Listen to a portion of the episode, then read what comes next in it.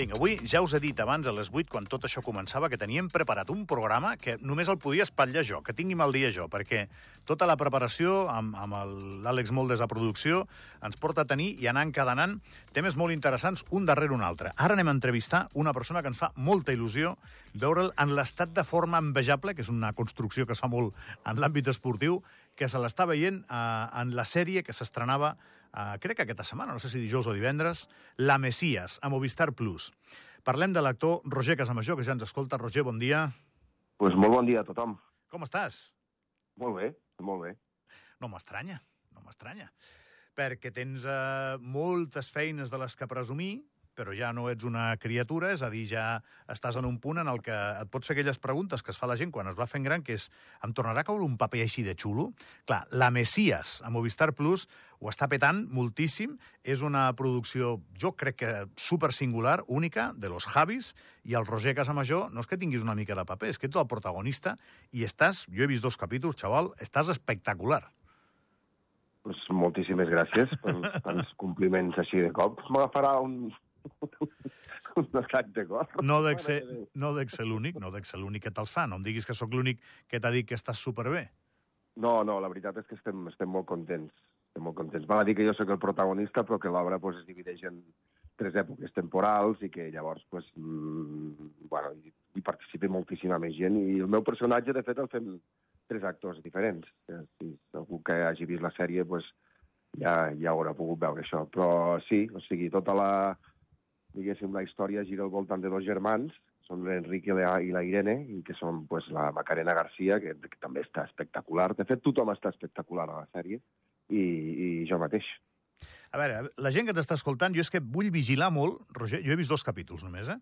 Uh, uh, ahir, precisament, uh, els tinc molt frescos. I, I vull vigilar molt de no spoilejar salvatgement, perquè Clar. és un dels mals del periodista, però la, la sèrie, quan dic que és única, és perquè és única la proposta uh, argumental, la proposta visual, la proposta també de, de com cada plano crec que està pensat i estudiat perquè tingui, eh, doncs, eh, no sé, una manera d'impactar-te és única. Llavors, eh, és així com està dient el, el Roger, és la història de, de dos germans, d'una mare, de, de les dificultats que generen en una història dura, però al mateix temps té elements gairebé màgics, elements de, de espirituals, i els actors doncs, van travessant tot això doncs jo tinc la sensació que és com si passéssiu per una espècie de túrmix i aneu, aneu sobrevivint admirablement, però clar, tot l'univers aquest dels Javis, que diu l'universo de los Javis. Bueno, és que és l'universo, eh? O sigui, té la marinera.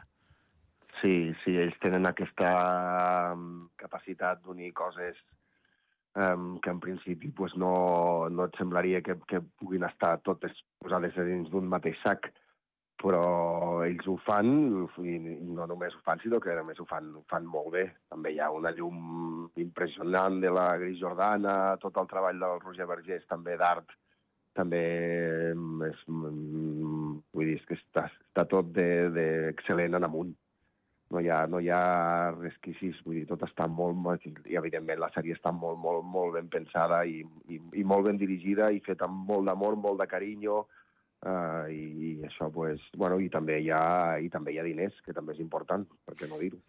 Clar que sí. He vist una entrevista teva, bueno, un, un fragment d'una entrevista teva, Roger, en mm. què, amb total transparència, explicaves que, que vas patir, que l'inici sí, de, de la sí. feina va ser, va ser complicat perquè tu estàs més acostumat a una forma de treballar, no sé com dir-ho, potser més rígida, més subjecte al text, i que aquí hi havia una llibertat tan, no sé, tan salvatge que et va, va arribar un moment que et trobaves incòmode, no? I els hi vas arribar a dir als directors, bueno, alguna cosa hem de fer perquè jo així no, no sé treballar. Sí, bueno, clar, jo vinc d'una un, escola més clàssica, doncs, eh, pues això, agafar el text, analitzar-lo, estudiar-lo a casa, t'hi passes aquí, doncs, moltíssimes hores mm, treballant, mirant per què dius una cosa, per què no en dius una altra, per què la dius d'aquesta manera, i, i llavors això, pues, a partir d'aquí, pues, vas, com, vas conformant el teu personatge però ells treballen d'una manera molt diferent. Busquen o sigui, que les coses siguin, que, que et surtin d'un lloc eh, més espontani, que no, que no estiguis tan agafat a, lo que, a les paraules exactes que tu has de dir, sinó que t'agafis més aviat doncs, el significat, que, que, el, el guió acaba sent més una guia que no pas una, que no pas una estructura rígida. I llavors a mi al principi pues, em costava molt perquè jo no estava acostumat a treballar així, no ho havia fet mai. I no, no sempre, eh? no a totes les escenes, ni molt menys. Hi ha, hi ha moltes seqüències pues, que estan tal qual, tal qual diuen. Però inclús en aquestes, mmm, si de cop i volta el cos et demanava de fer alguna cosa o de tirar per un lloc per un altre, pues, eh, tenies la llibertat per fer-ho. I llavors això al final, clar, també es, es fan moltíssimes tomes, que és una cosa pues, que tampoc s'acostuma a fer massa. Si en fan dos o tres, que no se'n fan 15 o 16 o 20 o, o 30, les que facin falta. I sempre eh, recolzat per, per ells. O sigui, en cap moment eh, tenies una sensació d'haver-ho fet malament o de, de fracàs, sinó tot el contrari, et deien, vinga, doncs tornem i tornem, i tu tranquil, fins que no surti bé, fins que no estiguem tots contents, això no, no, no ho pararem. I, clar, llavors eh, et, et relaxes, tens aquest acompanyament, tens aquesta escalfor i, i tires endavant.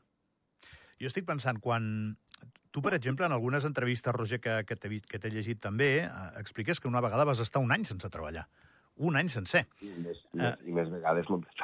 No, i, i tu ets una persona que t'ha anat molt bé la vida, tens prestigi, t'han anat contractant, però un any sense pencar és molt, eh? I ara, ara quants tens tu ara, Roger? Jo ara en tinc 46. 46, bueno, però ja no ets un criu, que és el que deia jo no. a, la, a la introducció, no? Ara et ca... Aquí s'ha de ser un criu. És així, bueno, jo sóc menys criu que tu, xaval. I ara et cau això, tu, et cau, pumba, aquest, aquest tros de regal, no? Uh, quina recompensa? I, I com és el teu ofici al mateix temps, eh? Sí, però bueno, jo, jo no m'ho miro tampoc d'aquesta manera. Vull dir, la meva feina i els que ens hi dediquem ho sabem molt bé, és, és, és com un tobogan. Doncs vas pujant, vas baixant, ara tens més feina, ara tens menys, i has d'anar sobrevivint una mica com pots. I sí, home, sí que és veritat que és quan et cau un, un, un projecte com la Messias, pues, eh, el primer mm, t'espantes i t'assustes perquè saps que tens una responsabilitat que, que, és, que és important. I, I es no, pot saber com t'escullen, Roger? Com és, com és el procés per, per elegir-te tu? Jo vaig anar a fer una prova, com faig normalment sempre, en qualsevol projecte. No, no, o sigui que et van escollir passant un càsting. Cridar, sí, sí, la, la Eva i la Yolanda Leire, que són unes directoris de Madrid de càsting, i que han fet una feina extraordinària també, perquè hi ha moltíssims personatges a, a, a la sèrie i, i bueno, pues elles s'han encarregat de, de tot el càsting de, de totes les actrius i els actors que estem allà. I res, vaig anar a Madrid, vaig fer la prova, me'n recordo del dia, a més, el dia 16 de... Bueno, a finals de desembre del, del 2021, i al febrer pues, del 2022 em van dir que m'havien agafat i res, vaig allà a Madrid, vaig conèixer els Javis, no ens coneixíem tampoc, jo tampoc no sabia ben bé, tampoc, no penses que tenia molta informació de qui eren, ells a mi tampoc em coneixien gaire, i ens van posar a treballar, així de senzill. Fa gràcia això dels Javis, eh? o sigui, jo, recordo, jo recordo los Manolos, però que hi hagi un, una, una entitat artística que siguin los Javis, fa gràcia, no? Hombre, los Javis. Realment és així, eh? Perquè són, vull dir, jo els considero com un director. O sigui, no com dos directors, sinó com un director. Ells treballen d'una manera que no sé ben bé com s'ho fan, perquè és magnífica, perquè en, en molt poques Pensa que hem estat, no sé, 9 o 10 mesos de rodatge, ha sigut un rodatge llarguíssim, molt, molt, molt llarg, i això també per ells jo no sé com ho han pogut aguantar, perquè els rodatges són 12 hores cada dia i a part els directors pues, tota la càrrega que porten al damunt i ho han pogut suportar molt bé i ells dos es combinen molt bé, vull dir, no es fan la punyeta l'un a l'altre, al contrari, i tenen molta confiança l'un amb l'altre i això, i això pues, és d'agrair. Vull dir que no, no, no, no es xafen, al contrari, sinó s'ajuden i s'apoyen i, i confien molt. Si l'un diu, escolta, jo crec que això és així, l'altre diu, doncs pues venga, pues si tu ho veus tan clar, pues tirem endavant. Anem a escoltar una mica el tràiler de La Mesías. Roger. Venga. Acabo de tener esta conversación con Dios.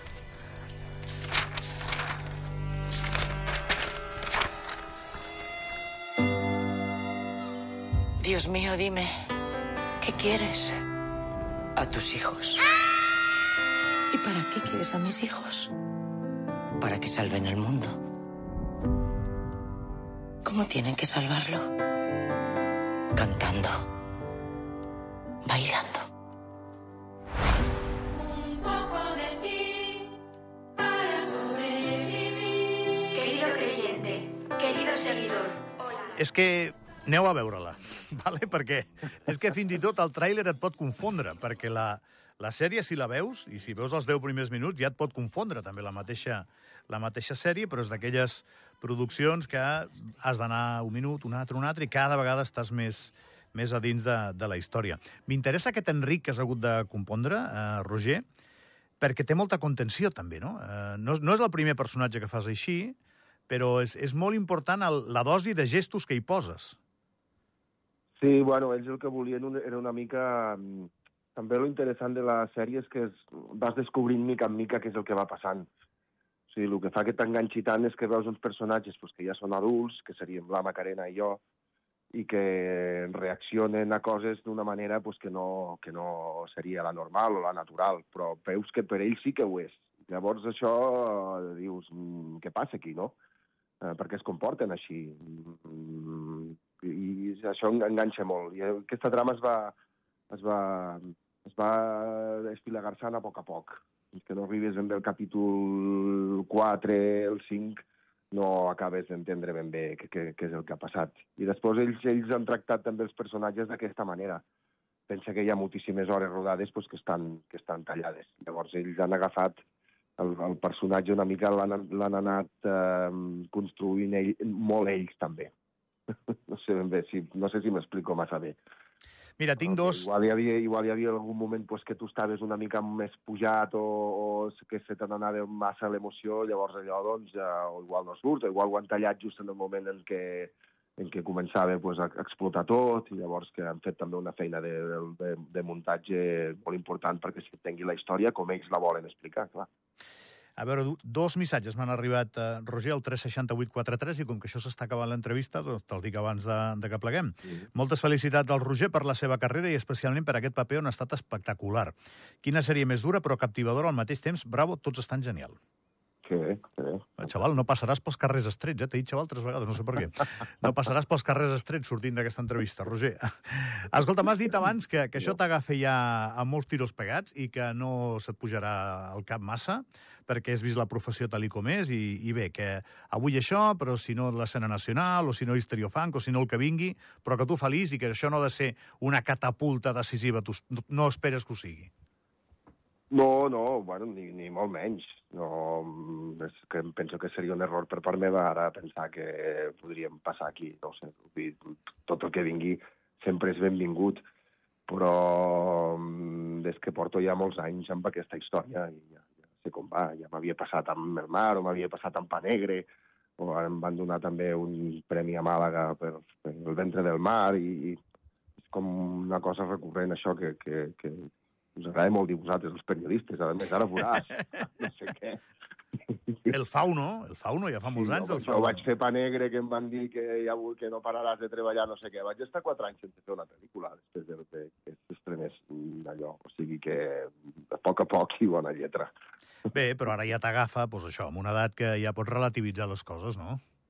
Sí, però mira, jo aquesta setmana començo el rodatge d'una altra pel·lícula, després tinc teatre amb, amb l'Ester Nadal, precisament, que, i l'escena nacional andorrana, fem, farem una obra que es diu Andorra, que, que estrenarem aquí a Andorra també, i estrenarem aquí la sala petita del Nacional. De moment ja tinc feina fins febrer, vull dir, jo, nos- jo vaig fent així. Vaig mirant aviam els, els mesos que puc anar que puc anar tatxant que tinc feina. Escolta, eh, quan passeu per aquí vindràs, no? Vine. Sí, home, clar. Sí, que, que, et veiem, que et veiem la cara, que em posis aquesta cara de l'Enric. Tu, tu, és que jo, jo et trobo, et, et trobo amb un ascensor... No posar, que no és gens gustosa de posar aquesta cara. Hòstia, però Roger, jo et trobo amb un ascensor amb aquesta cara de l'Enric i jo t'abraço. I a aquest home li passa alguna cosa. Ui, espera't, espera't, espera't, perquè ja veureu, ja veureu. I, em, I em porto dos, només. Tot just heu vist la punta de l'iceberg, perquè la sèrie va, se'n va molt, molt, molt, molt enllà i també he d'avisar que és una sèrie que és dura. Saps que m'he posat al llit avui cantant les Estela Maris? Soc així de friqui, tio. M'ho crec, m'ho crec, m'ho crec. I la dona m'ha fet parar. Vols parar? Vols parar? Són del, són de l'hidrogenès, hi ha el Raül Refri, també, amb la música. Després hi ha cançons eh, escollides per ells que, que són cançons que valen un colló de mico de royalties, però que ells... Sí, sí, de debò, eh? Vull dir... I si la banda sonora és molt potent. Sí, sí. Tu vas amb un rodatge de cop i volta, igual cantes una cosa en alguna seqüència, et diuen això no ho pots cantar, tio, perquè ho hem, ho hem de pagar. i ho, ho has de tornar a rodar, perquè no, ho pots, no ho poden pagar. Vull dir que ells, ells tenen els diners i els utilitzen molt bé. Roger, molt orgullosos de que un tio d'aquí de casa faci un paper així i que tingui tant èxit.